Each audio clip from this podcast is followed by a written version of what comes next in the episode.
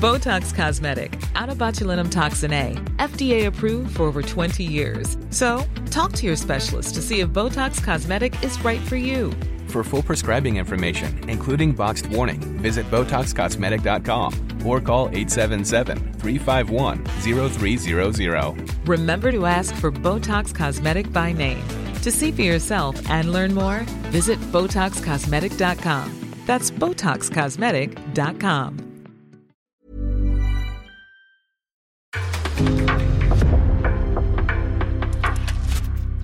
En podcast från Aftonbladet.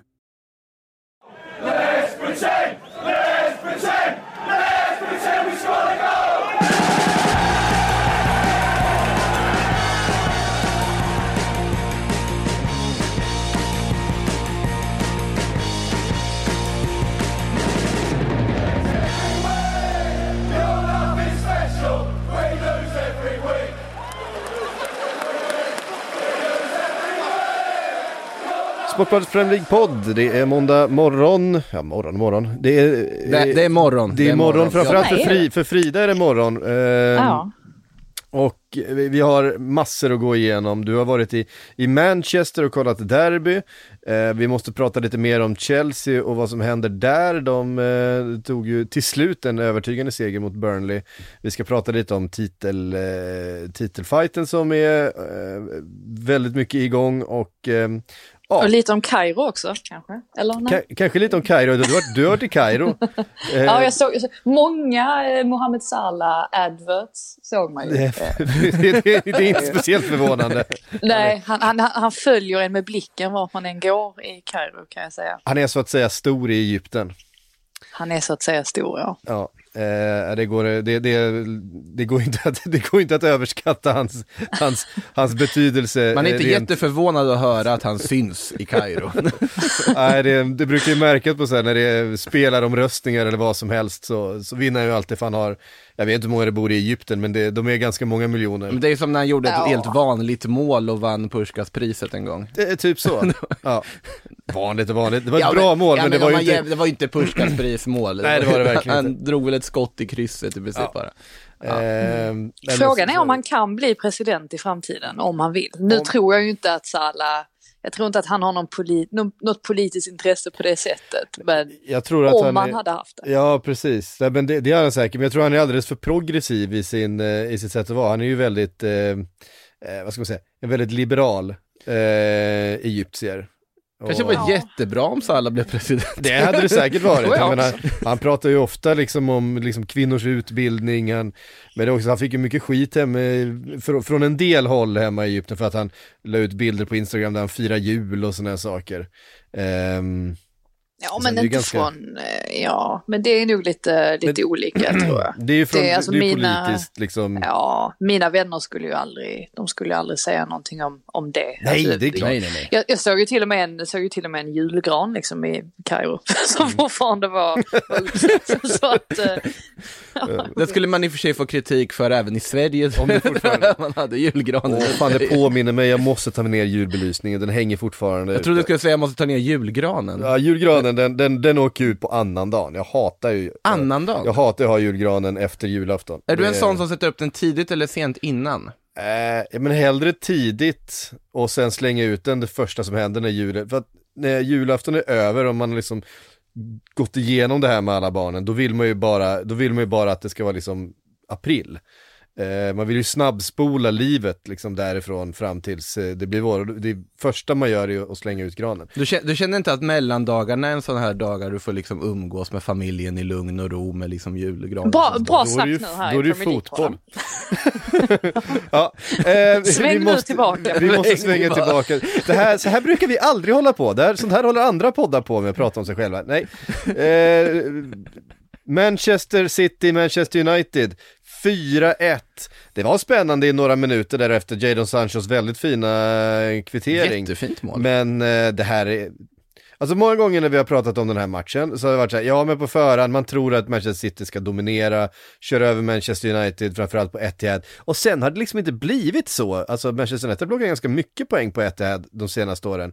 Men den här matchen var verkligen precis så som man såg det framför sig eh, inför ehm, Alltså det var oerhört svårt för Manchester United att skapa något framåt. När de gjorde det så var det en, eh, en individuell prestation av Geno Sancho. Eh, Medan för Manchester City gick det ganska lätt att ta sig fram till, till ytor, hota på olika sätt. Ehm, det var inte en speciellt jämn match i slutändan här Frida. Nej, det var det inte. Eh, inte som du säger i, i andra halvleken i alla fall. Första halvleken, jag vet inte riktigt om, det, det kan nog ha varit en kombination av att Man City faktiskt slarvade en hel del och att då Man United var lite mer påslagna, eller de fick hålla lite mer i bollen, vilket gjorde att ja, men de kände väl att de var mer involverade i matchen. Jag tror att ett av de främsta problemen för dem i andra halvleken var ju att Man City vägrade släppa ifrån sig bollen och då började de hänga med hu- huvudena till slut för att det är ju jobbet att bara springa och, och jaga och man, man förlorar väl lite grann tron på det man gör. Det jag, jag fastnar ju alltid för tränare. Det är som att jag är, jag är ju manager cam i den här podden.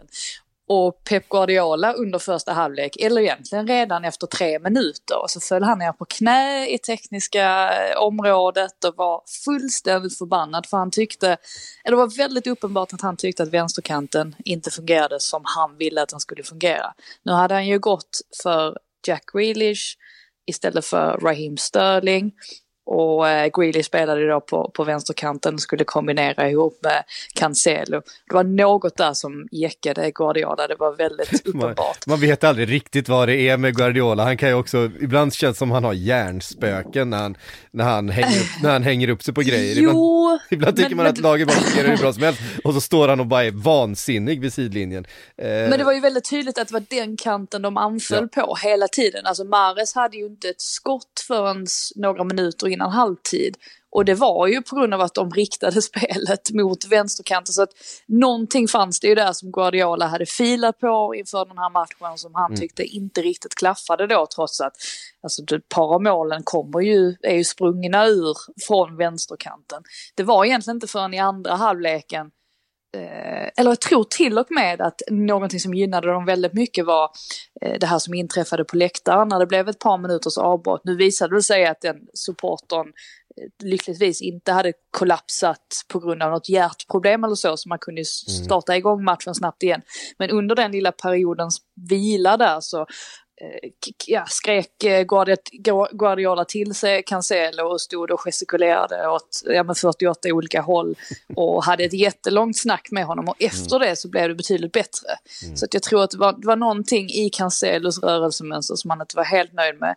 Men det är väl lite så med en perfektionist också att han vill att allting ska sitta för att han såg ju också att de gångerna som United kunde ställa om, ja, men då blir det ju farligt direkt. De har ju ändå den typen av spelare där fram och Jadon Sancho visar ju inte det. Visar ju det inte minst i det avslutet han tar som är fantastiskt bra. Men eh, nej, sen, sen efter paus då, då fanns det bara ett, ett lag på plan och ja, mycket av det beror ju på att Kevin De Bruyne också var sådär fullständigt fantastisk som han kan vara ibland eller som han är väldigt ofta. Men i den här matchen stod han ju verkligen ut. Och sen så fick ju Mahrez till slut involveras trots att han ju knappt hade gjort det under första halvlek och står ju för två väldigt fina mål också så att Nej, där, eh, där var ju eh, Man City definitivt eh, Eh, dubbelt, dubbelt så stora som eh, Man United var. Och eh, det är ju oroväckande för Uniteds del att det ofta blir sådär att de tappar efter ja, med 40, 50, 60 minuter, alltså tappar i intensitet.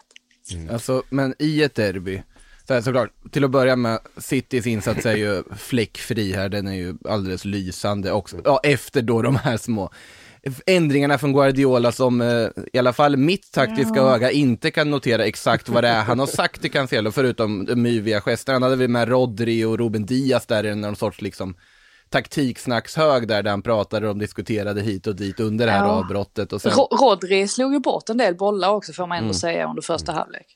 Men, men Kevin De Bruyne är ju så sanslöst bra i den här matchen. Alltså Ja. sättet som han hittar ytor på. Det finns det en omställning i första halvlek där de är två mot tre egentligen.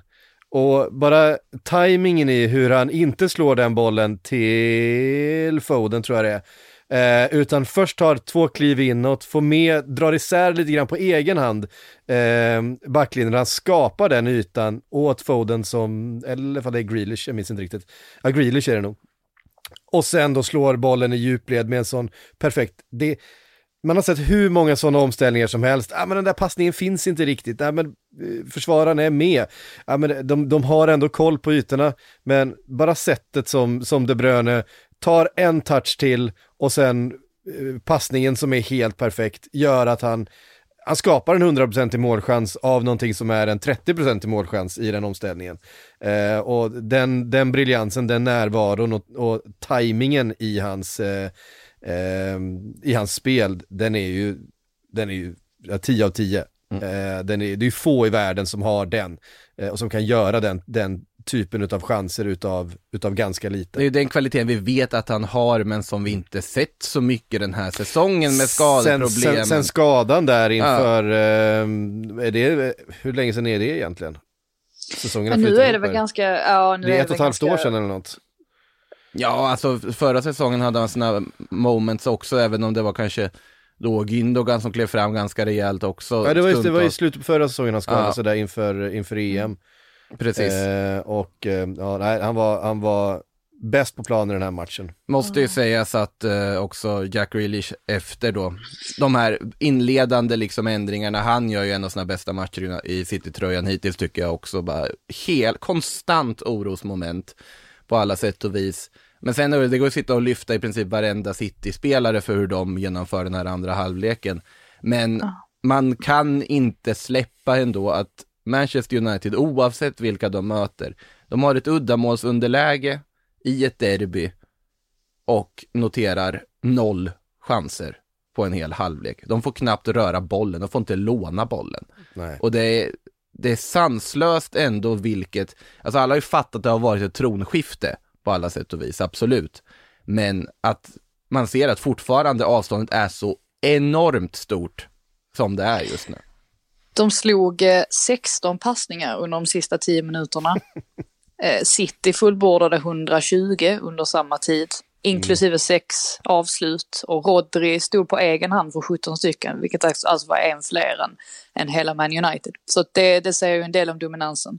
På Jack Grealish bara, bara flika in att, vet inte om ni såg den diskussionen som Guardiola hade på sin presskonferens inför den här matchen där han pratade om att spelare är alldeles för besatta av statistik och göra mål och poäng och han menade på att en spelare kan vara precis lika viktig för ett lag även om man inte gör mål. Och jag tyckte att Grealish var ett väldigt bra exempel på det just den här matchen. Att han, mm. han gjorde precis allting förutom mål. Och ja, det gör ju inte så mycket om det finns andra lagkamrater som kliver fram. Så att han kanske också ska, eh, ja, men ska försöka att tänka mindre på det där med att han inte gör, att han inte har gjort så mycket mål sedan han gick till City, att han istället ska ja, men, försöka koncentrera sig på att göra den här typen av matcher, så kommer ju målen komma av sig själv. Men det är ju, men, eh, ja. det är ju inte som liksom poängproducent som City betalar de pengarna för honom heller. Det är ju för alla hans andra kvaliteter och hur mycket hur mycket nytta han gör offensivt på alla sätt han länkar upp och sätten han hotar, sättet han Ja, agerar över huvudet och vinner frispark och allt. Hela, hela paketet. Det är ju därför de betalar de pengarna de gjorde, för att han är en pusselbit som gör det här laget bättre. I ett lag som City har du alltid en matchvinnare på plan. Du har alltid någon som kommer göra målen, om det så är Kevin De Bruyne som kliver fram, eller Riyad Mahrez som kliver fram i en annan match, eller Foden, eller Sterling, eller Gabriel Jesus, eller ja, ni vet. Så att det, är de är ofantligt starka som kollektiv verkligen på att de har så otroligt hög individuell skicklighet på varje position. Ja. För kanske, jag, vet, jag vet inte hur många av sågningarna i Sky Sports-studion efteråt som ni tog del av. Det, det var ju eh, ja, med Roy Keane och Gary Neville framförallt som... Eh... Roy, Keane, Roy, Roy Keane var inte nådig. Nej, det, det, var ju både förkastligt och skamligt och de viftade med vit flagg och fem eller sex spelare borde aldrig få spela igen på mm. Man United. Och det var som att de spelade med nio man och ja, kritiken haglade ju och eh, ja, av de här fem eller sex spelarna som Keen pratade om så nämnde han två vid namn och det var Fred och McTominay. Och eh, tyckte ändå att McTominay i sin intervju efter matchen så var han väldigt, det märktes att det fanns en frustration hos honom och också att han faktiskt bryr sig om Man United. För att det är väl lite där tror jag supporterna känner att ja men vilka spelare i det här laget bryr sig faktiskt om att representera Man United och all den historien som den klubben står för. Det är det man inte riktigt ser, men jag ser det hos McTominay. Sen tycker jag inte, och har aldrig tyckt egentligen, att McTominay är tillräckligt bra. Han är inte på den nivån, tycker han. Jag tycker han är bättre än Fred. Fred är ju den spelaren som jag irriterar mig på allra mest egentligen. Med, eh, ja, backlinjen är ju ett kapitel för sig också. Det, vi får kanske prata lite om om deras försvarsspel ja, också. Ja, vi måste prata om Manchester United, alltså eh, truppen. Eh, frågetecken runt Cristiano Ronaldo som ska ha skadat sig strax innan eh, den här matchen. Frågetecken, frå, frågetecken runt eh, Edison Cavani. Eh, finns uppgifter runt att han helt enkelt inte vill spela. Eh, det, det finns, det, det läcker otroligt mycket från det där omklädningsrummet om att det är eh, väldigt, väldigt dålig stämning. Eh, vi hade fyra eh, spelare som på väldigt kort varsel, varann sjuk va? Eh, ja, det är covid på honom och Luke Shaw. Ja, covid på de två och ja, höftskada på Cristiano Ronaldo. Eh, och Höftböjare. Höftböjare? Heter det inte så på svenska eller? Ja, det kanske det gör. Höftböj... ja, ja, det vet inte. Det har jag skrivit i alla fall. Oj. Eh, det stämmer säkert om du inte har. det, det, det blir nog bra, alla förstår vad du menar. Ja. Ehm, och eh, jag menar, vad är det som kan vara, alltså det har inte blivit bättre sen, sen Ralf Rangnick kom in. Eh, det har inte blivit bättre stämning i, i, i truppen. Det känns som att, eh, ja visst, nu måste det liksom eh, räddas en fjärde plats här.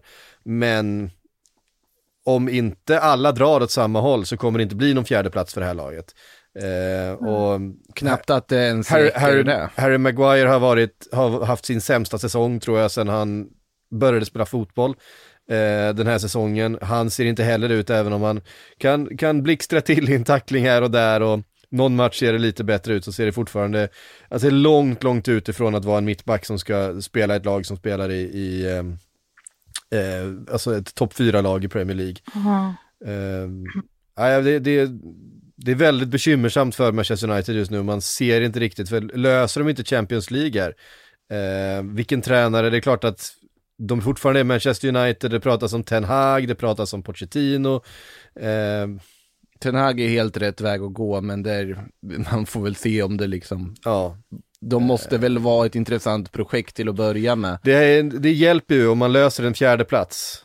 Eh, så att säga, eh, för, att, för att få projektet Nej, på jag, rätt se, jag ser igen. inte det här United göra det. Men just nu så eh, är jag tveksam.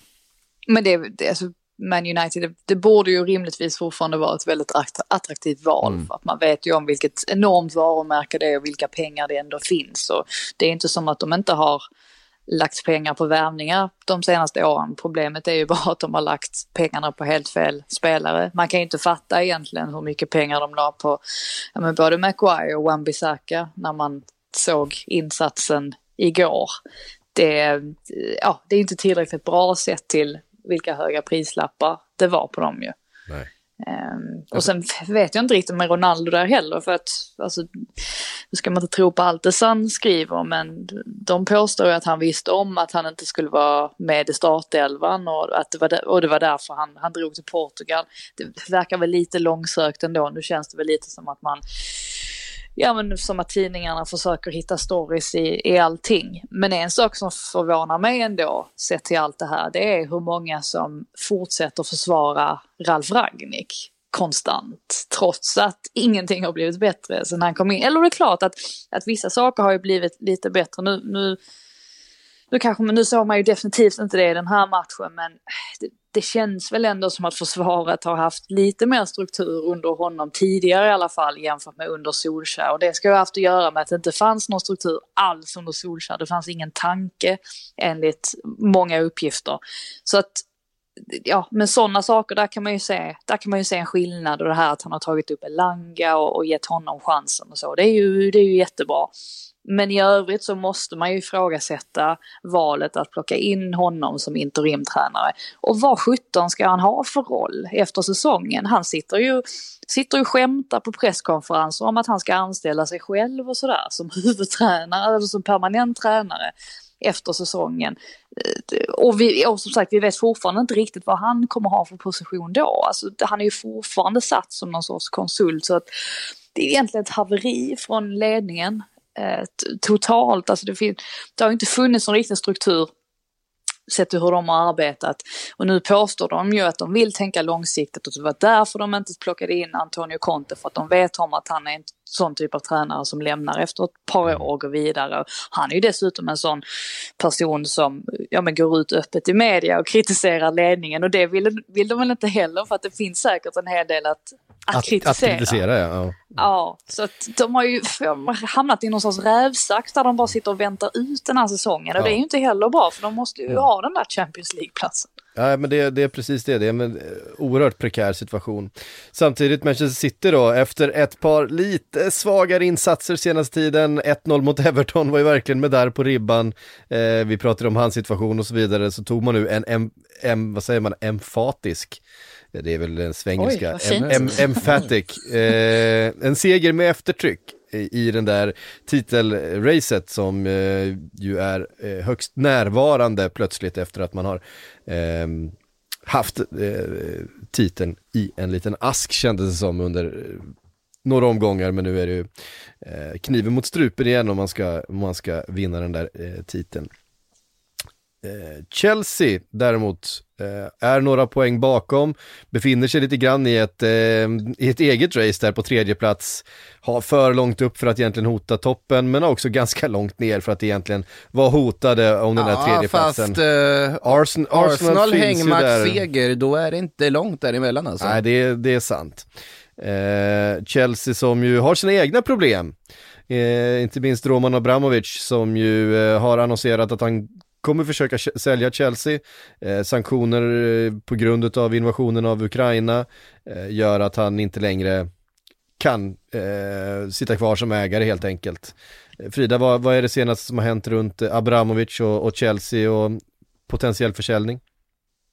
Ja, det har väl varit lite snack om att det är väl tre eh, personer eller eh, vad säger man, parter som har fått förfrågan om att köpa klubben och en av dem är ju den här eh, killen tänkte jag säga, Buss, han är ju närmare 80 bast och han är ju mer gubbe än kille. Men eh, han, han gick ju ut i schweiziska Blick då och, och bekräftade att han hade fått en förfrågan men tyckte ju då att priset var alldeles för högt. Och eh, att han i så fall måste eh, ja, man, hitta eh, andra ja, vad säger man, andra partner som kan backa mm. upp honom i en eventuellt, i, vid ett eventuellt köp. Så att det, det, är ju lite, lite standstill nu tror jag, uh, just på den biten. Det, det, slog ner, det slog inte ner som en bomb att Abramovic skulle sälja klubben för att det har ju varit ganska mycket snack om det egentligen sen han släppte det där pressmeddelandet förra helgen då, mm. när han lämnade över ansvaret till de här sex förtroendevalda. Men eh, det är ju en, det är en så stor händelse ändå för att han har ju definierat Premier League under 2000-talet på ett sätt som ingen annan har gjort i det här att han, han startade hela den här moderna fotbollen med att ja, men köpa upp en klubb och sen bara pumpa in, pumpa in pengar. Han kommer ju för alltid vara en, en stor del av Chelseas historia.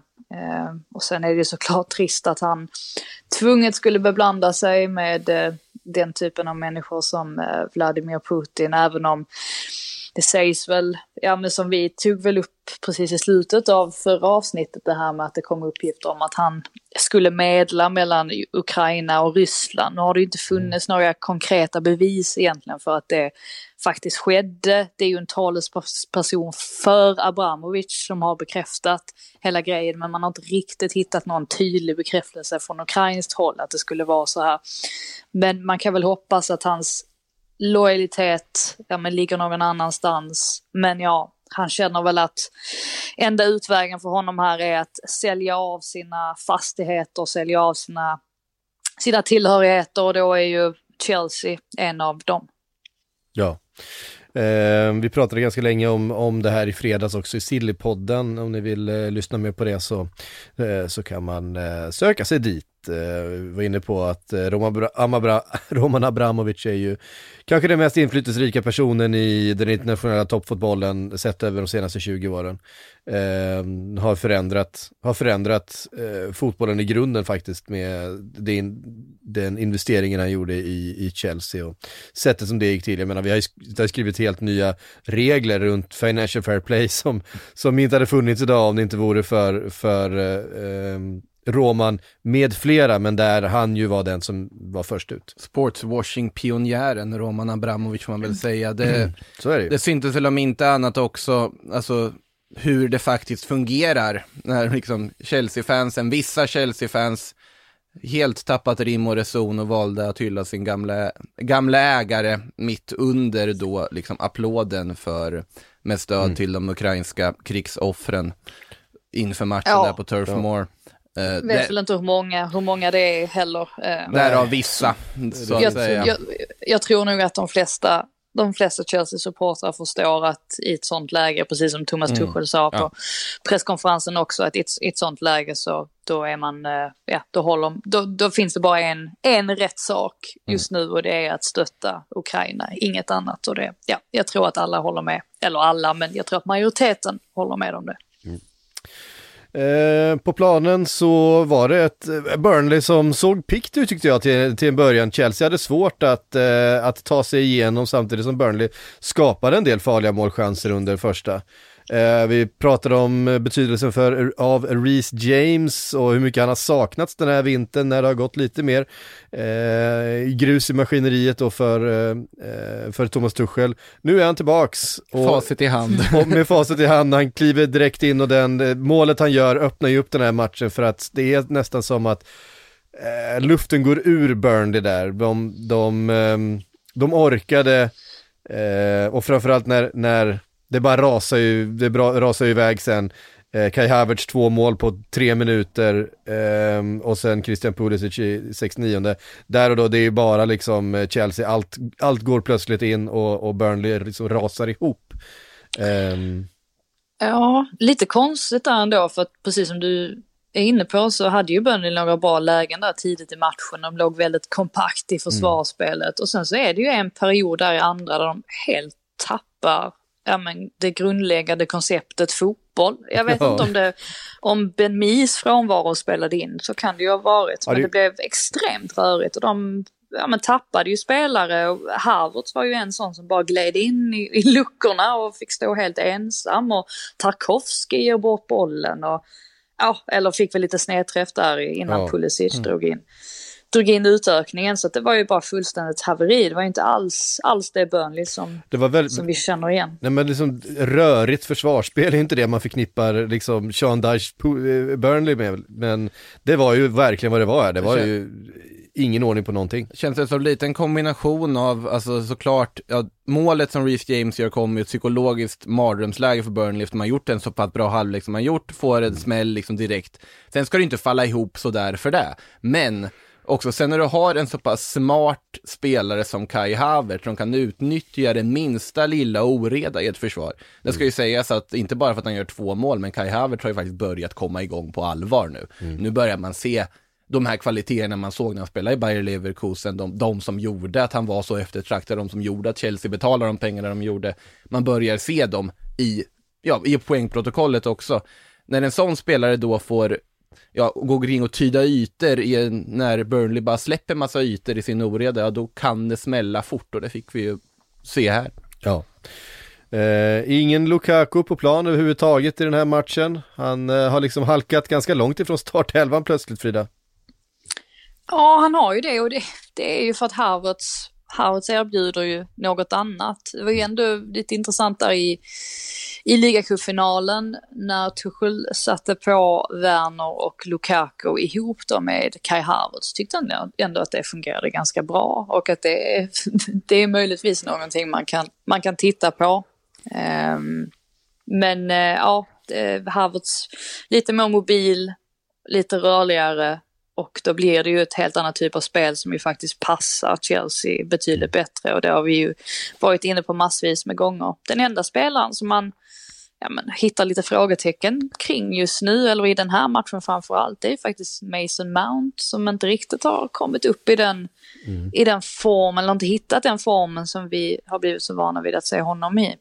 Men eh, i övrigt så behövde de ju verkligen den här segern, särskilt efter den snöpliga ligacupfinalförlusten och allt det här med Abramovic. Det var nog skönt för både Tuchel och klubben och supportrar att de fick den här ketchup-effekten där i andra halvlek. Um, vi eh, tar oss vidare till den tidiga söndagsmatchen då, Watford-Arsenal. Uh, här var det målkalas och vilken rivstart på den här matchen. Det höll ju på Alltså det var ju offside visserligen, men efter 18 sekunder hade Watford en boll i mål.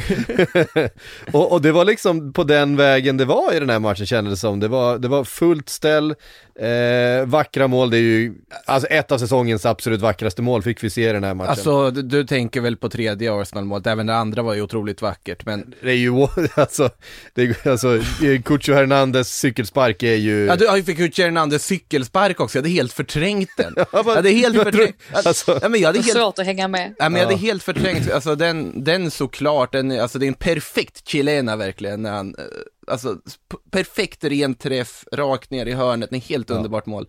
Men jag, jag hade ju helt glömt bort den i och med de spelmål som Arsenal ja. faktiskt gör i den här matchen sen. Vilken, vilken frejdig offensiv, vilken underbar liksom samklang. Martin Ödegård som bara växer, växer och växer här nu i den där rollen och ser ut, börjar se ut som han gjorde i Real Sociedad-tiden och börjar se ut som den spelare som Arsenal-fansen hoppades han skulle göra. Mm. Bukayo Saka som fortsätter vara alldeles briljant. Jag tycker avslutet till, när han då avslutar det jättefina anfallet där de gör sitt andra mål är ju, håller ju enormt hög klass när han bara drar den i motsatt hörn.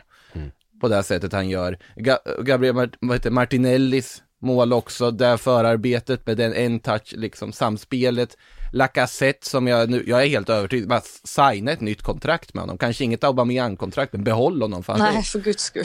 för guds skull, inte ett Aubameyang-kontrakt. Men jag tycker att han, han har visat hur mycket han tillför med sin liksom. Ja, men det här är ju mer, mer en eh ett spelsätt som passar honom där han får vara eh, centralt inne, ta plats, skapa ytor åt andra. Eh, med dubbla, dubbla assist i den här matchen och är, är en eh, perfekt referenspunkt med tanke mm. på vilka, vilka målhot de har från, eh, från Bukayo Saka, från Martinelli, Ödegård också liksom i den här, vi vet att eh, det finns Eh, dessutom en Smith Rowe som kan komma in och göra mål från, från de positionerna. De, de har mål i de positionerna. Det är lite, lite likt eh, Liverpool, man tänker att ja, men Roberto Firmino, ja, han gör för lite mål, men han behöver inte göra så mycket mål. Det är viktigt att han är där, han hittar ytor, han, är, han länkar upp, eh, ser till att anfallsspelet så kommer liksom målen från kanterna, från lite andra positioner. Jag tror eh. att en av nycklarna också är att vi har fått se en annan Thomas Partey nu på sistone också. Mm. För att i och med att han liksom kliver upp och att han har kontroll på läget, det är ju det som gör att Ödegaard kan slinka ut till höger och ha de här fina samarbetena med Saka som man har sett i ganska många matcher nu den senaste tiden. Och eh, när man dessutom då har en välfungerande vänsterkant då blir de ju väldigt jobbiga att hantera Arsenal eh, konstigt ändå i den här matchen för att det känns, nu satt jag ju tittade på den här matchen i pressrummet på Etihad.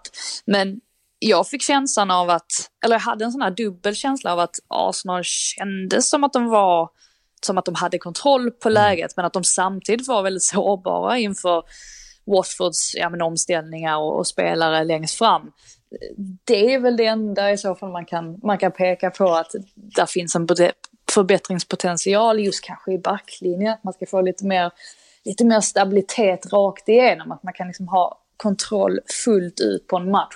Men precis som vi har sagt de här senaste veckorna så har man ju verkligen börjat se ett betydligt mognare lag och hur mycket de faktiskt har utvecklats under hela den här säsongen. Så att, ja, och dessutom Arteta han tog upp en ganska intressant grej om Saka på sin presskonferens och sa att ja, men den här straffmissen i, i EM, den var nog väldigt bra för hans karriär, sa Arteta och menade då på att ja, men det är en sån sak man växer av också. att ja, men liksom stå på den här fullsatta arenan och, och missa i, ja, men, i ett läge där man absolut inte får missa för att det innebär en missad, eh, en missad EM-titel men just det att han kanske har vänt det till någonting gott. Det är också väldigt intressant. Jag tror att Bukayo Isakas resa också har nog varit väldigt, ja men, väldigt speciell i det här att han liksom började li lite grann på botten där efter den här missade straffmissen och sen så har han bara växt och växt och växt under säsongen. Så det är ju otroligt viktigt nu att de får behålla honom och bästa sättet för att behålla honom, jag tror själv att han, att han vill stanna i Arsenal, men det kommer ju finnas andra intressenter om Arsenal missar Champions League-platsen. Men just nu så tror jag inte att de gör det. Lyckas de bara hålla i det här, då tror jag de plockar den sista platsen. Ja, de sitter ju verkligen i förarsätet för, för fjärdeplatsen just nu. Eh, har, eh, har den eh, med matcher till godo. Eh, det är väl, tre det, matcher det, till godo på United och tre, försprång. Ja, precis. Och eh, Spurs som har då lika få matcher spelade som, som Arsenal eh, är ju sex poäng efter. Eh, så att eh, det, är, det är verkligen fördel Arsenal i, i, i jakten på fjärdeplatsen just nu. Eh, vi var inne på titelracet lite grann. Eh, Liverpool besegrade West Ham, ett av, ett av två lag som har besegrat dem den här säsongen.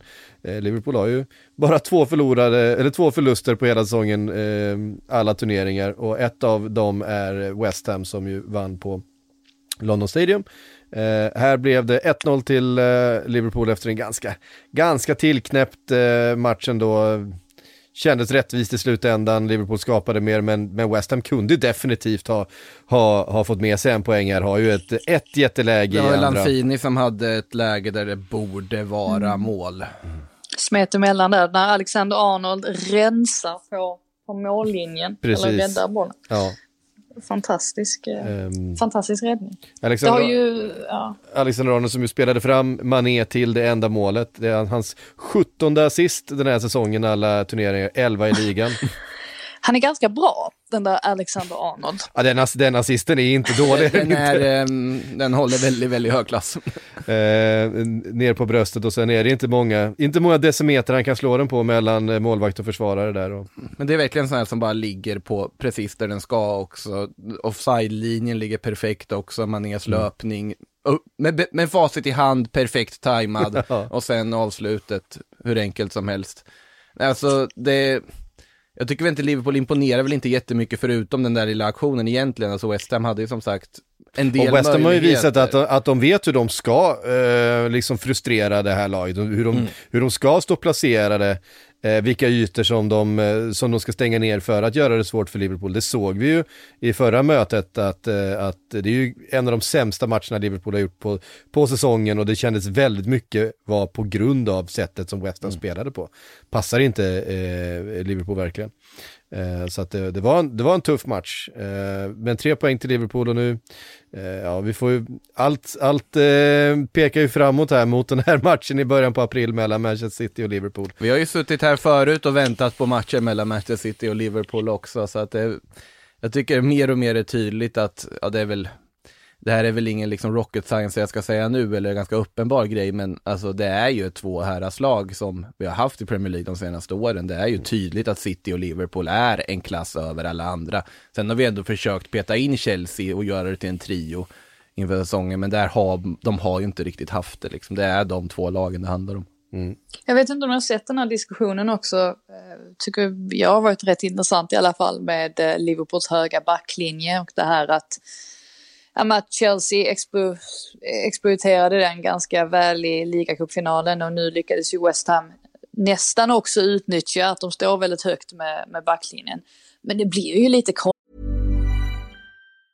Getting engaged is a moment worth cherishing. A one-of-a-kind ring that you design at Blue Nile can help your love sparkle. Just choose your diamond and setting. When you found the one, you'll get it delivered right to your door. Finding the right engagement ring can be nerve-wracking. At Blue Nile, you'll have the expert guidance needed and a diamond guarantee that ensures you're getting the highest quality at the best price. Cherish all of life's moments and save up to 30% at BlueNile.com. That's BlueNile.com.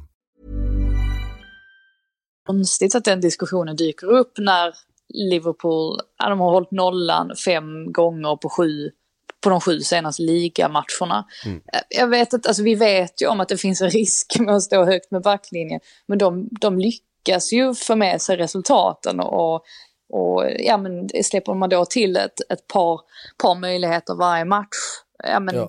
är, det, är det hela världen då? Jag, jag tycker det är egentligen konstigt att den har dykt upp just i det här läget.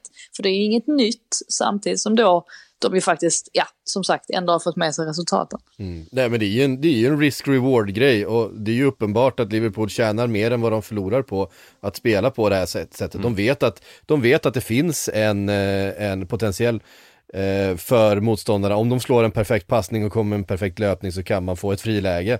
Eh, men å andra sidan håller man backlinje, mittfält och anfall så tight att man vinner så otroligt mycket bollar i viktiga positioner högre upp i banan och det är så enormt mycket Liverpool-mål kommer till. Eh, att man vinner de där duellerna för att man, man är helt enkelt eh, så, så tajt mellan lagdelarna. Eh, och det är ju kalkylerat, en kalkylerad risk-reward som ju vi har sett under ganska lång tid. Eh, man, man gynnas av så att eh, det är ju det är konstigt att, att kalla det, att kritisera dem för det när det är någonting som de själva Ja, nej, väl, var väljer väl- att göra Ja. liksom. Det är rätt många krönikörer och sådär som har liksom skrivit ja det måste de rätta till. Och så tänker man, jaha det men vad... Jag tror nog att Klopp vill fortsätta precis så här. Ja. Eh, han kommer nog inte ändra på någonting alls. Nej. Det- och, och, det är också, och det är också därför man, man har väldigt tydligt scoutat Virgil van Dijk som är en av de snabbaste eh, och bästa duellspelarna en, mot en eh, för att han är, han är bäst eh, på att hantera just den här situationen. Och att rollfördelningen blir så tydlig då, Joel Matip som ju är väldigt långsam å andra sidan, han blir den som stöter och försöker vinna bollar, promenerar upp med bollen i, i banan medan van Dijk är den som i så fall slår långt och, och faller ner och tar löpduellen med, med motståndaren. Det är ju, det här har man ju räknat på eh, i analysteamet och eh, jag tror inte det är någonting som de alls är, är missnöjda med att det ser ut så här. Eh, utan det är en del utav, eh, sen om man missar offside-fällan ibland eller att man står på hälarna eller kommer fel, det är ju klart att det finns eh, individuella misstag som man alltid ska göra, eller ska liksom titta på och åtgärda, men, men det system, ju i men det är inget, det är inget, system, så. det är inget systemfel liksom i, i det Liverpool gör, det är högst medveten strategi. Eh, bottenstriden eh, hade vi ett litet ångestmöte då mellan Brentford och Norwich och Norwich börjar se, verkligen se ut som Norwich ser ut varje gång de är uppe i Premier League. Om två år kommer vi sitta här och konstatera att Norwich ligger sist igen. Men Eh, när den de har- här året, då, de har, när de har vunnit Championship och gått upp och sen, eh, eh, ja, det, det är ju det är lite tragiskt hur de verkligen är ett lag som är, som är för bra för Championship och för dåligt för Premier League och de lyckas liksom aldrig ta sig ur den där. Ja. De är som Leksand för Men- några år sedan. Med helgens finaste bilder i alla fall när Brandon Williams blir nerbrottad av en motståndare. Ser inte vem det är och ska ta ut sina aggressioner på honom och så ser han att det är Christian Eriksen och så mjuknar han och ger honom en kram istället. Ja, Det ja, var ju det- fullständigt underbart. Ja, jag undrar hur länge vi kommer behandla Christian Eriksen med silkesvantar så här. För att det är ju väldigt mycket så dutt nu. Men det är ju för att det är så fantastiskt att han, att han är tillbaka och att det faktiskt inte var så länge sedan som vi såg de där ja, skräckbilderna från Köpenhamn. Men eh, ja, lite, lite roligt var det. Men eh, fin match från Eriksen får man ju säga. Spelade ju en Ja. liten djupare roll här så var ju med hela speluppbyggnaden och slog några riktigt linjebrytande passningar och det är ju vad Brentford har efterlyst och så dessutom då att måltjuven Ivan Tony är tillbaka. Det har ju hängt väldigt mycket på honom men nu när Eriksen har kommit in så känns det som att ja, men Eriksen kan avlasta honom lite grann eller länka upp med honom så att inte allting bara, allt fokus riktas, eh, riktas på Tony. Så att en väldigt, väldigt viktig seger för Brentfords del. Ben Gibson hade inte en lika bra eftermiddag. Nej, det hade han inte. Ehm, ja, vad ska vi säga om den? Orsakade ju två straffar Ja. varav eh, den ena var ju att han typ stämplade Pontus Jansson i huvudet vilket är en otrolig bedrift med tanke på att Jansson är typ två meter lång. Så att, eh, nu böjde han ju sig för Ja, jag tänkte precis säga, men Nej, det var inte- stående Jansson, absolut. Och, Nej, men ändå, alltså när han böjer sig så det är inte som att han kan böja sig sådär jättelångt. Så att eh, ja, Gibson, eh, ingen bra timing på honom direkt och det, det hjälper ju knappast Norwich som ju ändå startade ganska pikt men ja, sen hade de ju inte inte mycket att säga till om när siffrorna rann iväg sådär. Man vill ju veta i en sån här alternativ verklighet hur Brandon Williams hade fullföljt situationen om man hade sett Pontus Janssons ansikte där istället. När han vände, när han liksom- Han skulle, ge- jag vet inte, han skulle ge honom någon slags bröst, alltså. brösttryckare på något sätt. Ja men det var någonting, ja, det var, ja, det var, det var det, jag håller med, det är en helt underbar situation. Sen, sen är det verkligen frågan, hur, hur mycket kommer Christian Eriksen kunna komma undan med? Alltså i början när, nu, han, han fick ju ett gult kort i den här matchen också och så vidare, men sen också i övrigt strålande. Ja. Men, eh, Jag tror, själv vill han nog in och kriga. Så ja men såklart, han är ju, liksom, han kan ju ta duellspelet, det är Ja, en sån spelare också, det ska man inte underskatta. Jag tror han trivs bra också där i, eh, ja, men, i dansklägret som Ja. det ju ändå är. Jag tror han verkligen har hittat hem och känner stor förtroende för Thomas Frank. Så att han har ju hamnat på, på rätt plats tror jag. Det är precis rätt klubbval. Alltså, i, du får spela på en toppnivå, du spelar lite bortom strålkastarna, utan den här direkta pressen, men fortfarande på en extremt hög nivå. Och sen, som du sa Frida, det tåls ju att eh, understrykas och upprepas. Herregud vilka viktiga tre poäng det där var för Brentford, att få dem. Ja, för att nu, nu har vi ju då, eh, det var ju förluster på alla lagen under som har spelat. Eh, vi har inte sagt någonting om, om Leicester Leeds, eh, visserligen den tidiga matchen i, i lördags. Eh, Det, det, är ju, det är ju ett rån. Alltså, hur Leicester får med sig de tre poängen. Harvey Barnes var fin, han var bra, absolut. ett fint mål. Men eh, om man tittar på chanserna i den matchen och det är ju minst sagt, alltså det positiva för Leeds i det här fallet är väl att uppenbarligen så har Jesse Marks intåg ändå gett någon form av energi. Det var ändå ett Leeds som Alltså såg ut i samma form som det, den form som Bielsa har skapat under alla de här åren, men som hade lite mer intensitet, energi, driv, snabba omställningar, bra fart, fungerade bra överlag. Mer, mer, kom, mer kompakt Ja. framförallt. Ja, ja, det är framförallt Det här också. Det- det ju- fruktansvärda man-marking eh, systemet som funkade var fjärde gång. Eh, Och det, är ju, och det är ju därför man lutar åt nu att med tanke på då vad man har hört då kring Marsh att han har kommit in och att ja, men spelarna verkligen har fattat tycke för honom omgående. Leeds gjorde ju rätt. Ja. Alltså sen vet jag inte, det är ju fortfarande långt kvar på säsongen och de måste börja plocka poäng också. De kan inte förlora med, med uddamålet och sådär. Men Bielsa var ju alldeles för envis där på slutet så att få Marsh bara till resultaten nu också, ja men då, då är det ju verkligen ett kvitto på att, eh, på att Leeds fattade rätt beslut, även om det var svårt i, i stunden. Men, och det var där jag skulle komma till min andra punkt där, att i och med att de ändå förlorar den här matchen så tänker jag inte släppa min, eh, envist som Bielsa, inte släppa tanken att de fortfarande har skrivit under sina Championship-papper. Ja men det, det är väl så fall, det är väl exakt det som var problemet med Bielsa också, det här just envisheten. att, att eh, ja men ibland måste man kanske bara acceptera att ja, man kanske måste ändra någonting eller eller sådär, man kan inte hålla fast vid sin ståndpunkt och han gjorde ju det lite för mycket där på slutet. Jag, jag tror att när man har förlorat så många matcher som de har gjort och släppt in så många mål då är det oundvikligt att börja hänga med huvudet och ja, men, ha ett sargat självförtroende.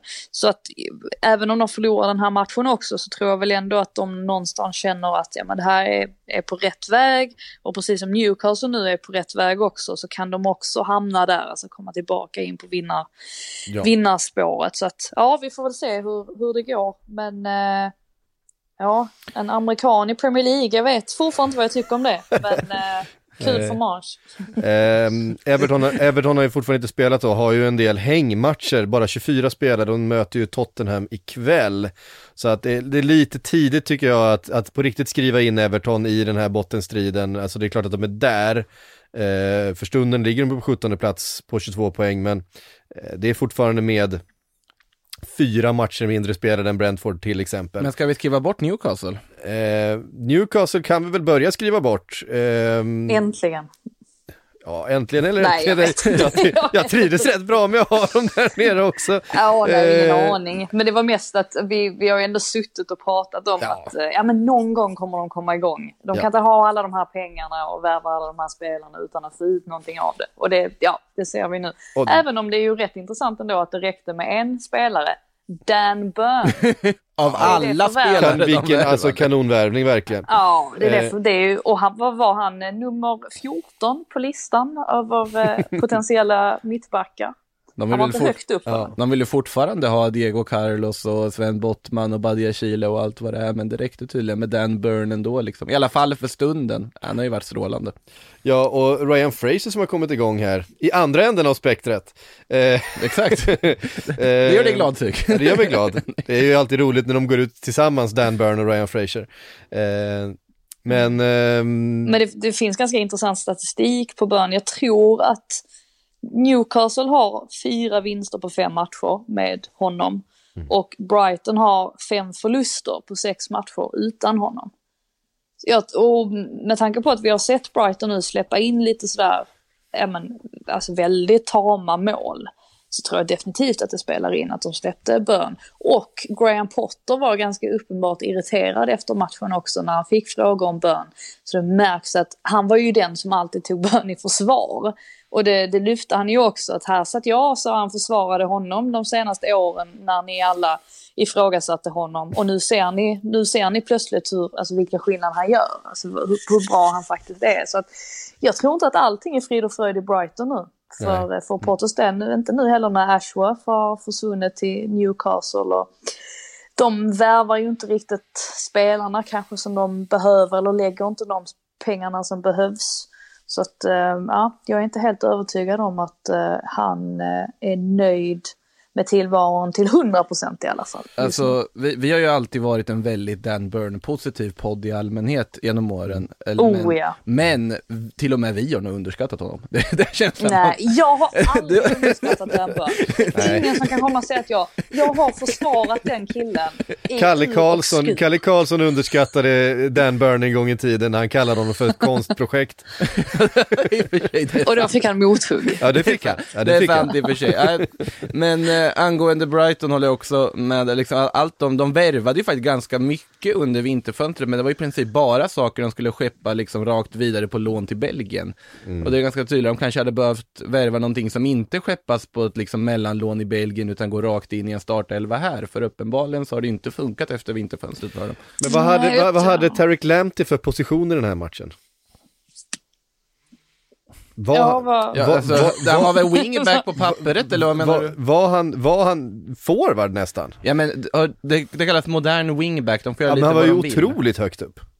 Ja, fast det är Ja, väl nej, men det, ofta, det är han väl ganska ofta. Eh, Kliver in sådär nästan som en extra ytter på något sätt. Kukureya är ju liksom en liknande typ också som offensiv. Gillar ju Kukureya, eh, väldigt, väldigt eh, underhållande att se på. Ja, jag tycker ju fortfarande det är ett tjänstefel av Barcelona har släppt honom så lätt som de gjorde en gång i tiden. Så att, eh, ja, Emil Kraft var stabil. Ja, Emil Kraft har kommit in och, och, och lever, Ja, lever, levererat, levererat lite fysik. Sen, Ja men verkligen. Han, han försöker ju. Ja, ja. Sen, sen är det ju fortfarande anmärkningsvärt att det här Newcastle då alltså tar en se, stabil seger här mot Brighton. Man gör det med att ha Saint Maximin som vi såg som i princip den enda offensiva nyckeln i hela laget tidigare, från bänken in. Man har Bruno Gimaraes som såg som den absolut viktigaste värvningen i vintras, som fortfarande inte har fått sin start och fortfarande bara används som en inhoppare i och med att man inte vill flytta på Will och Shelby, Joel Linton där på mitten. Så att det, det är ganska intressant ändå.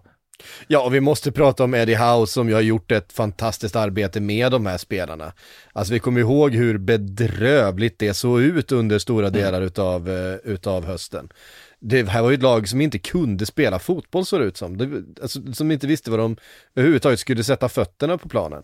Ehm, det är ju samma spelare till väldigt stor del som kliver ut här och, och är det bättre laget mot Brighton. Visst, de har fått in Dan Burn, visst de har eh, fått in lite, men, men i övrigt så är det ju samma spelare. Det är, det är liksom Matt Target och Emil Kraft och John Jag och Target är Ryan... också ny i och för sig, men Ja visst, ja, ja, ja, Target är han är ganska, han, han är bara, går omkring och är allmänt men stabil till vänster, absolut. Jag Nej, men köper det, det är liksom Jacob Murphy från start. Jacob Murphy, så jävla två plus-spelare liksom. Vad, vad kan han egentligen? Eh, Det är väldigt oklart, men han är ju där och... och, och Chris Wood gör inte så mycket mål, Det är väl- men det funkar ändå. ja. Eh, Ja, det var exakt. Jag tänkte precis säga det att Chris Wood är väl den som har varit, eh, alltså, vad säger man, most underwhelming. Alltså som man fortfar- fortfarande sitter och väntar lite på att han ska komma igång. Men eh, ja, nej, man måste väl kanske lyfta kraft ändå lite extra. Det var eh, nej, väldigt, väldigt solid insats från hans sida. Så det, är- det är kul att se för att vi, vi är kanske på honom lite för mycket och sådär. Men det är ju för att även han kan vara begränsad. Men här, här gav han verkligen järnet och det behövde de för att det var inte helt självklart att de skulle vinna den här matchen. Så Brighton hade ju ändå sin beskärda del av målchanser men som, ofta, så ofta, som, som så ofta gång, kan inte ens prata, som så ofta förr så, så som ofta förr, är det så man säger? Ja. så fick de inte till det på sista tredjedelen. Så att, ja. Nej, det, så är det ju eh, i vanlig ordning. Men det som också är intressant med Newcastle när de kliver ut i den här matchen, med, när då Eddie Howe har tagit ut ett lag som vi ser fungerar bra, är att man då plötsligt på bänken har Gimarais, Sen Maximan, Almiron eh, och så vidare. Lafels, det är ju Paul... Cher Burn man jobbar nu i försvaret. Också. Paul Dammet. Ja, fast Lascelles, det är ju, det är skönt Förlåt. att slippa Lascelles. Ja, alltså, det är rätt skönt att aldrig, Jag har aldrig förstått mig på honom. Han är ja, men totalt, man kan inte lita på honom. Det är en säkerhetsrisk rakt igenom. Ja. Tycker jag i alla fall och alltid tyckt. Men det, det visar väl också hur mycket... Han är frejdig. Ja, men det vill man kanske visst. inte ha som mittback. jag vill. Men eh, det visar väl också hur mycket som, som är mentalt i fotboll. Alltså hur mycket ett par bra resultat kan, kan göra för ditt självförtroende. Det, det är lite det man ser här i Newcastle ändå, att vindarna har vänt lite grann. Um, så att, ja, nej, jag, jag, tror att de nog, uh, jag tror nog att de kommer klara sig, klara sig ganska fint. Hade ett par rätt stabila mittenmöten också. Crystal Palace slog Wolves med 2-0. Wolves eh, fina streak har kommit av sig lite grann, ser inte riktigt lika eh, pigga ut. Mateta fortsätter leverera för Crystal Palace. Eh, väldigt, väldigt fin spelare. Ja, ehm. och Zaha inte minst. Och måste Sa man lyfta fram. Ja. Eh, han fick sätta en straff också efter, efter att ha mm. slagit tidernas sämsta straff tidigare i, eh, den här, under den här säsongen. Han, eh, han jobbar ju hem betydligt mer nu jämfört med vad han gjorde tidigare och det är ju Viera då säkert som har fått honom att förstå att det, det är elva spelare på planen och alla måste, alla måste göra sin beskärda del. Och jag tycker att det har lyft hans spel överlag, att han är betydligt mer involverad, att han inte, han blir inte isolerad längre på samma sätt som kanske kunde hända förr. Så att, eh, nej, eh, en, en väldigt stabil insats från hans sida. Mm. Och eh, Aston Villa besegrade Southampton och Southamptons fina streak har då kommit av sig lite grann i, i och med det. Eh, 4-0 till Aston Villa, det var med eftertryck. Eh, Ollie Watkins tillbaks i målprotokollet, det har vi, eh, har vi efterlyst. 1 mm, plus 2 från Danny Ings var väl också ganska välkommet sett till formen han har visat ja. under säsongen. Samma sak, eh, Coutinho eh, såg väldigt fin ut i den här matchen. Ja, han, Gerard körde ju vidare här på Watkins och Ings. Han mm. eh, testade ju det här för någon, för någon vecka sedan och insåg, insåg väl att det fungerade ganska bra. Och att ha Watkins och Ings och sen Coutinho strax bakom, det är ju det är ju en fröjd för ögat att titta ja, är... på Coutinho som nu har tre mål och tre assist på sju matcher. Men här hade han ju kunnat göra hattrick, så många chanser. Så många lägen kom han ju till. Eh, det spelade väl in att Southampton tvingades till, till en del skiften i backlinjen. Eh, bytte ju till och med till, till fembackslinje där på slutet för att försöka få stopp på Aston Villa, men det gick inte. Eh, nej, det är glada dagar för, för Villa nu i alla fall som liksom har kommit tillbaka efter den här lilla formdippen som man ändå hade. Det, ja, alla är väl glada förutom Buendia möjligtvis för att jag förstår inte riktigt hur han ska kunna ta sig in i den här startelvan när eh, Coutinho, Ings och Watkins ser ut så här. Nej, och det säger ju en del för att menar, Buendia kom för stora pengar och med ett par riktigt fina säsonger i, i Newcastle bakom sig. Han skulle ju in och, och producera poäng Men det är också viktigt för ett sånt lag som Aston Villa att de faktiskt har lite bredd också.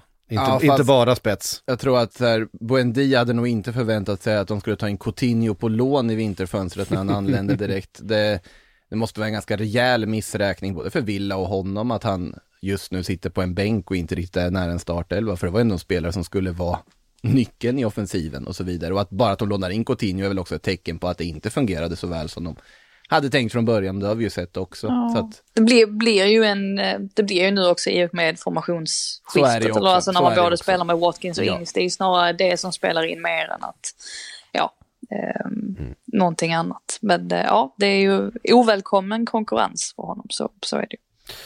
Vi ska ta och svara på lite frågor också. Eh, här har vi fått en ifrån Marcus som undrar hur många poäng krävs det för att komma topp 4? Eh, ja, det kommer ju krävas 70 poäng i alla fall, det tror jag den här säsongen. Eh, 70 poäng. jag tror att det kommer krävas 70 poäng för, eh, för eh, att komma topp 4. Eh, och eh, Jag är så dålig på siffror. Ja, så jag- jag- jag satt- den här, eh, jag brukar inte- diskussionen. Det här exakta antalet poäng som brukar krävas är sånt man inte noterar, utan det är bara Ja, skillnaderna. men så här, om, om, eh, om eh, Arsenal skulle vinna resterande av sina matcher, alltså ta då, vad har de, de har 13 matcher kvar, det är ju då helt enkelt eh, 39 Ja. poäng. Eh, då landar de på 87 poäng. Eh, det kommer de ju inte göra, de tar inte 13 raka segrar härifrån. Eh, säg att de kryssar några, förlorar en eller två, de ska ändå möta några av de eh, toppkonkurrenterna här. Tror jag de hamnar kanske på en 75 poäng till slut och det kommer räcka, skulle jag. Eh, jag tror att det- krävs att, att Arsenal klappar ihop lite grann, förlorar eh, en del oväntade poäng eh, för att de ska missa den här topp 4 faktiskt. Ja, 70 Och- borde ju räcka. Och för Arsenal, eller för Manchester Uniteds del så innebär ju det att de måste vinna resterande 10 matcher för att komma upp i 77 poäng. För att eh, slå eh, Arsenal som jag kanske tror landar där någonstans. Så jag tror inte att Manchester United vinner sina 10 10 raka matcher härifrån in. Nej men 70 borde nog räcka, det har du nog rätt i utifrån... eh, Ja men jag tror det kommer ligga där någonstans 70-75 och då ser det ju väldigt bra ut för, för Arsenal, det får man säga. Sen har de några tuffa Ja. matcher kvar såklart. Får ju, får ju lyfta också det här med Man United, att den här matchen mot Man City, de har ju inte mött så många av de här topplagen eller storlagen. Och nu blir det ju en del sådär svåra matcher som, ja men mot Tottenham härnäst och sen har de ju returen mot Atletico. Eh, just den här matchen mot Liverpool blev väl, eh, vad säger man, postponed, Mm. eller framflyttad. Men sen har man ju Leicester. Men de har ändå den De kvar. har kvar Ja. den. Ja, precis. Den kommer ju. Och Arsenal ska man möta och Chelsea ska man möta. Det är inte enkla matcher alls. Nej, och sen då tittar vi på Spurs som också har eh, potentiella 39 poäng kvar att eh, vinna då på sina 13 resterande matcher. Eh, ligger på 42 poäng nu då. Eh, kommer ju heller såklart inte gå rent 13 matcher eh, igenom, men det är de där 6 poängen upp till Arsenal och då tycker jag att Arsenal ser ehm, ser lite, lite finare ut just nu. Jag menar, Spurs ska möta Everton ikväll som, som krigar för att inte bli på riktigt indragna i en bottenstrid. Everton som var liksom bara ett, VAR-beslut ifrån att ta poäng av Manchester City här veckan. Ehm, det, det är ingen lätt uppgift de står för, eh, de står för ikväll. Så Nej, jag ser, ser fram emot eh, Arsenals möte med Liverpool. Det ska bli väldigt intressant att se ja, men hur stora kliv Arsenal har tagit sedan de möttes i höstas. För att då var ju Liverpool numret större. Men eh, det kan ju möjligtvis hända att, eh, ja, att vi, vi får se ett annat Arsenal den här gången. Lite mognare och lite, lite mer i kontroll än vad man var då. Ja, det är inte alls eh, osannolikt. Jag tror att West Ham, också 28 spelade matcher, två poäng bakom Manchester United, de kommer få svårt att få ihop det, eh, tror jag. Deras trupp är inte tillräckligt bred. Nu saknades Declan Rice i den här matchen och det var kanske det, det, den mest avgörande pjäsen eh, för deras del, även om jag tycker att ehm, Eh, nu tappar jag namnet, vad heter han? Zuzek. Eh, nej, inte Zuzek.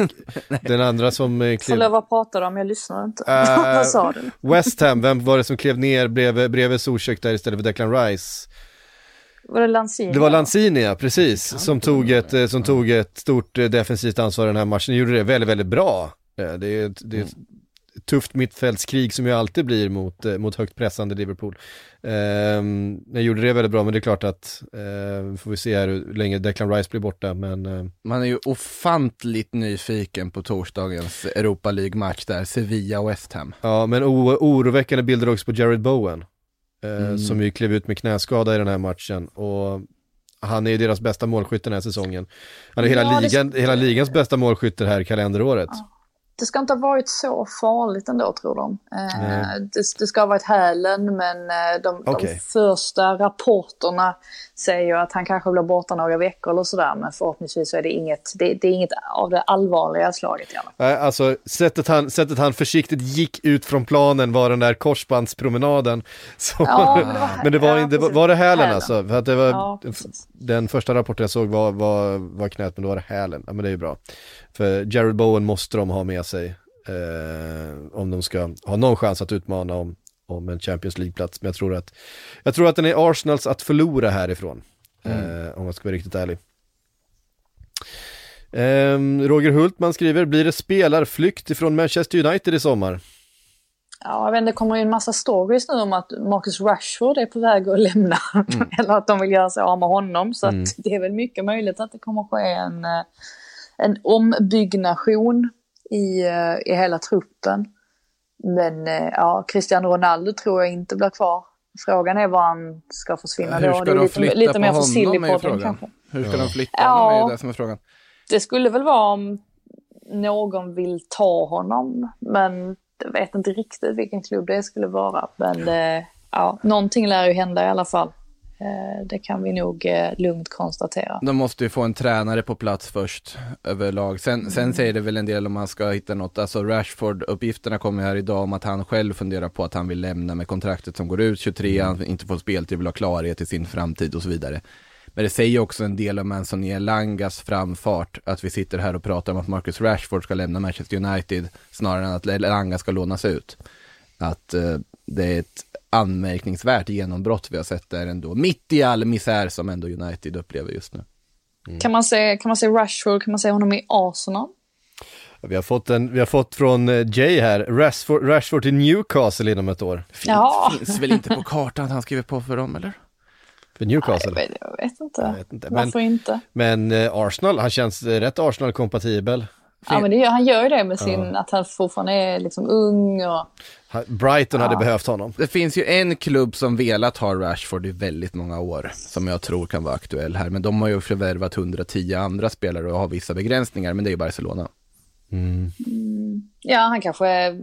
Det har ju ändå blivit mer attraktivt för spelare att ge sig av till andra ligor. Ja. Det verkar som att det är rätt många som, som kikar på den möjligheten, så det tror jag, tror jag är Nu- stor möjlighet. Nu har de i och för sig serie- fått ihop sin offensiv och har väl kanske inte jättemycket plats, Ja, men jag tänker Serie A också. Där har vi ju en del exempel på eng- unga engelsmän som har gått dit nu på sistone och gjort det bra. Rash. Rashford till Milan.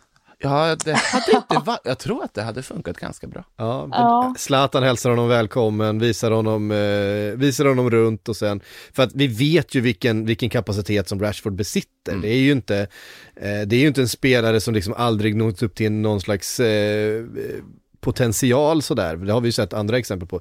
Rashfords högsta nivå är ju, är ju fortfarande enormt hög. När han, när han är i form så är han ju en, en, eh, en riktigt, riktigt fin anfallare. Så att eh, tror- han, behöver nog byta bättre- miljö.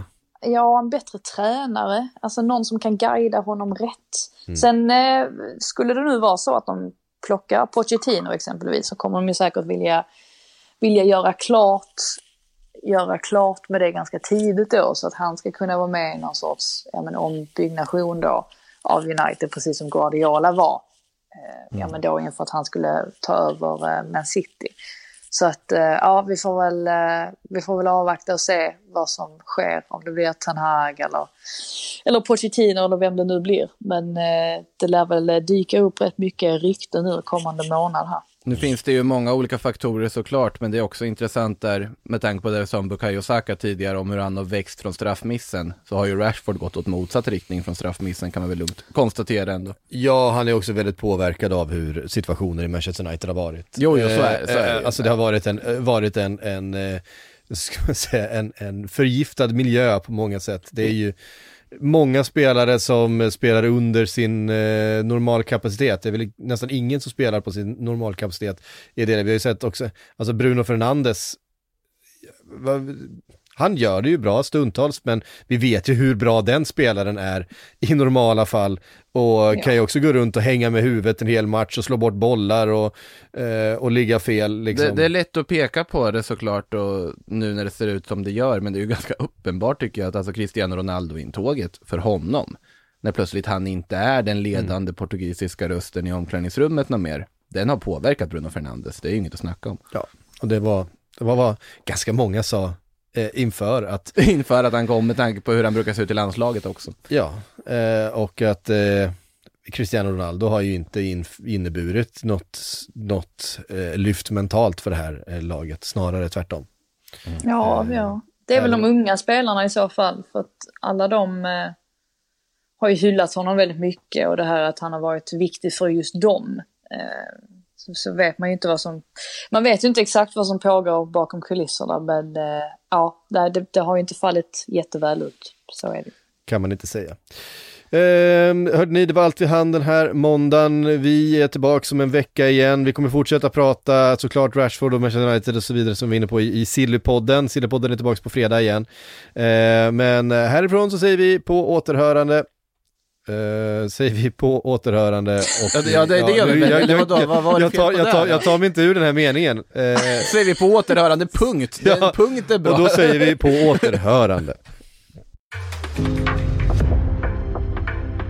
Du har lyssnat på en podcast från Aftonbladet.